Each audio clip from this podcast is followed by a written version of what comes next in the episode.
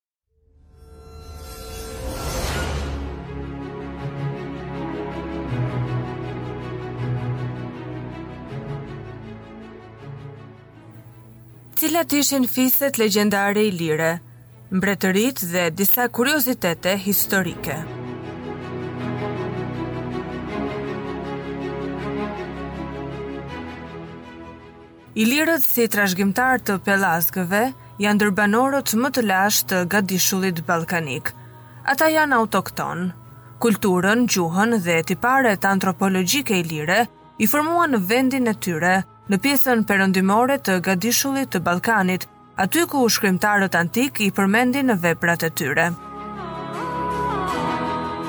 Trevat e shtrirjes së popullsisë ilire janë mjaft të gjera, Ato përfshijnë të gjithë pjesën perëndimore të Ballkanit, në veri e deri në gjirin e Prevezës në jug, kurse në lindje deri në tokat përreth liqenit të Ohrit, grupe të veçanta ilirësh u vendosën edhe në Italinë e jugut.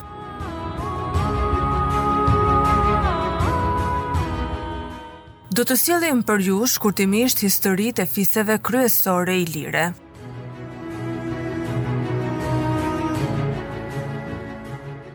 Albanët Albanët ishin një fis ilir nga i cili morën dhe emrin e hershëm shqiptarët. Ata përmenden për herë të parë si Albanoi në shekullin e dytë të erës sonë nga Ptolemeu në hapësirën pas Dyrrahut brenda trevës së banuar më parë nga fiset e parthinëve. Mendohet të jenë i njëjti fis me emrin e ri të përkthyer në Bardhinoi ose Albanoi. Qyteti kryesor i Albanopolit, që mendohet të jetë Zgërdheshi i Krujës, Në krahinën qëndrore të banuar prej Albanëve, ruhen ende toponime që lidhen me emrin e këtij fisi, si Arbana, fshat në rrethin e Tiranës, Kroi Alban, në afërsi të fshatit Zgërdhesh të rrethit të Krujës. Në burimet historike të shekullit të njëmbëdhjetë, Albanët përmenden nga Mihael Ataliati, historian dhe shkrimtar bizantin gjatë një kryengritje të tyre ndaj Konstandinopojës. Në mesjetë, Autorët bizantinë kanë përdorur për të identifikuar shqiptarët si termin Albanoi, ashtu dhe atë Arbanitai. Këta qenë emrat etnikë të shqiptarëve në Mesjetë si dëshmon fakti që u morën me vete nga shqiptarët e mërguan në Greqi, rreth shekullit 13 deri në shekullin 15, në formën arvanite, ndërsa në Itali nga shekulli 15 deri në 16 dhe në Dalmaci në shekullin 17 në formën arbëresh.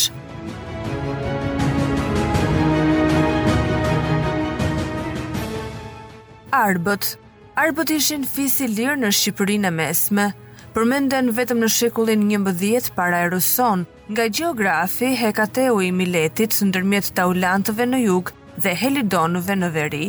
Ka mundësi që emri i tyre të lidhet me lumin Herbus, që përmendet në veri të Dyrrahut dhe me rrënjë të emrit Alb Ar, që del më pas në emërtim të banorëve të kësaj treve.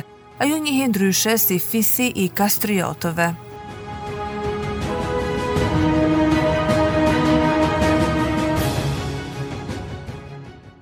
Atintanët Atintanët, një ndër fiset e mëdha të Ilirisë së Jugut, banorë të Antitanisë, shtriheshin në krahinën e sotme të Mallakastrës e të Skraparit. Në perëndim kishin Apoloninë dhe Parthinët, në veri Desaratët, në jug lumin Vjosa, që i ndante Amanët dhe Epirotët. Përmenden për herë të parë në burime historike të shekullit pesë para erës sonë si aleatë të Molosëve.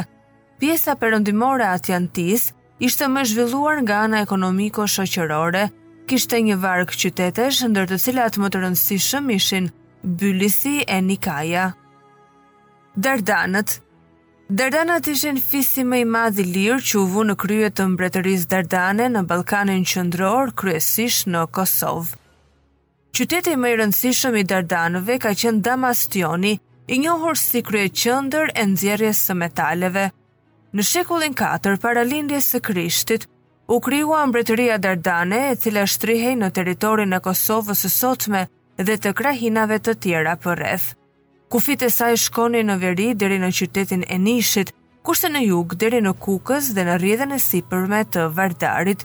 Mbreti i parë Dardan që njohim ishte Longari, pas tij erdhën mbreti Bato dhe Monun. Rolin kryesor në mbretëri e luajti fisi i Dardanëve.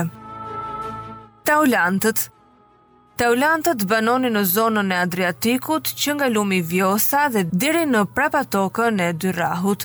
Ky fis luajti një rol shumë të rëndësishëm në historinë ilire të shekullit 4 dhe 3 para Krishtit, duke u vënë në krye të shtetit ilir, të cilin e kishin krijuar më parë Enkelejtë.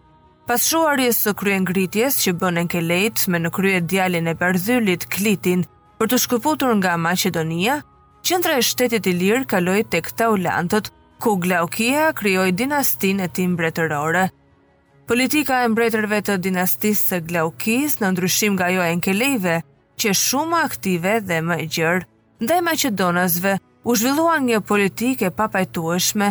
Pas vitit 323 para Krishtit, Glaukia arriti të çlironte të gjitha tokat që maqedonasit ua kishin marrë enkelejve, Në vitin 309 para Krishtit, Glaukia me një ushtri të madhe zbriti në Epir dhe vendosi në fron mbretin Pirro.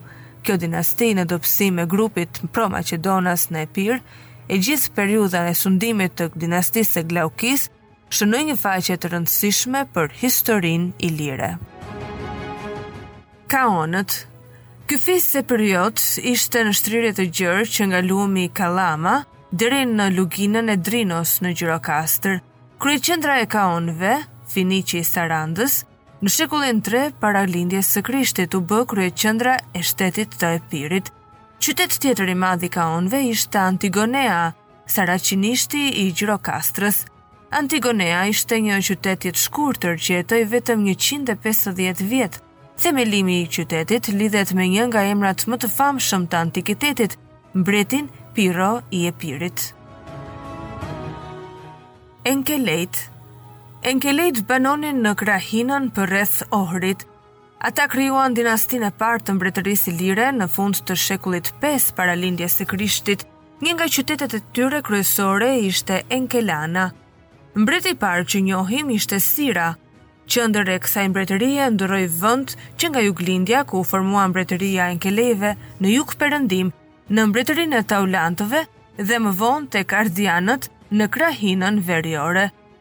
Në shekullin 4 para Krishtit, Bardhyli e rrëzoi mbretin Sira nga froni dhe mori drejtimin e shtetit ilir, duke themeluar dinastinë e tij që e kishte qendrën rreth liqenit të Ohrit tek fisi i Enkelejve. Politika e shtetit ilir gjatë gjithë kohës së dinastisë së Bardhylit pati si qëllim përfshirjen në sundimin e vet dhe të atyre tokave të banuara nga ilirët që ishin të pushtuara nga maqedonasit. Për të çliruar këto toka, Bardhyli mundi tre mbretër maqedonas dhe i detyroi t'u paguanin ilirëve tribut vjetor. Vetëm kur Maqedonia me në krye Filipin e Dytë arriti të shuante grindjet politike në vend, pozita e ilirëve ndaj fqinjve lindorë u dobësua. Në vitin 359 para Krishtit, Bardhyli, edhe pse në moshën nëntëdhjetë vjeçare, u vu në krye të ushtrive ilire dhe përballoi sulmet maqedonase, të cilat më në fund e detyruan të lëshonte të gjithë qytetet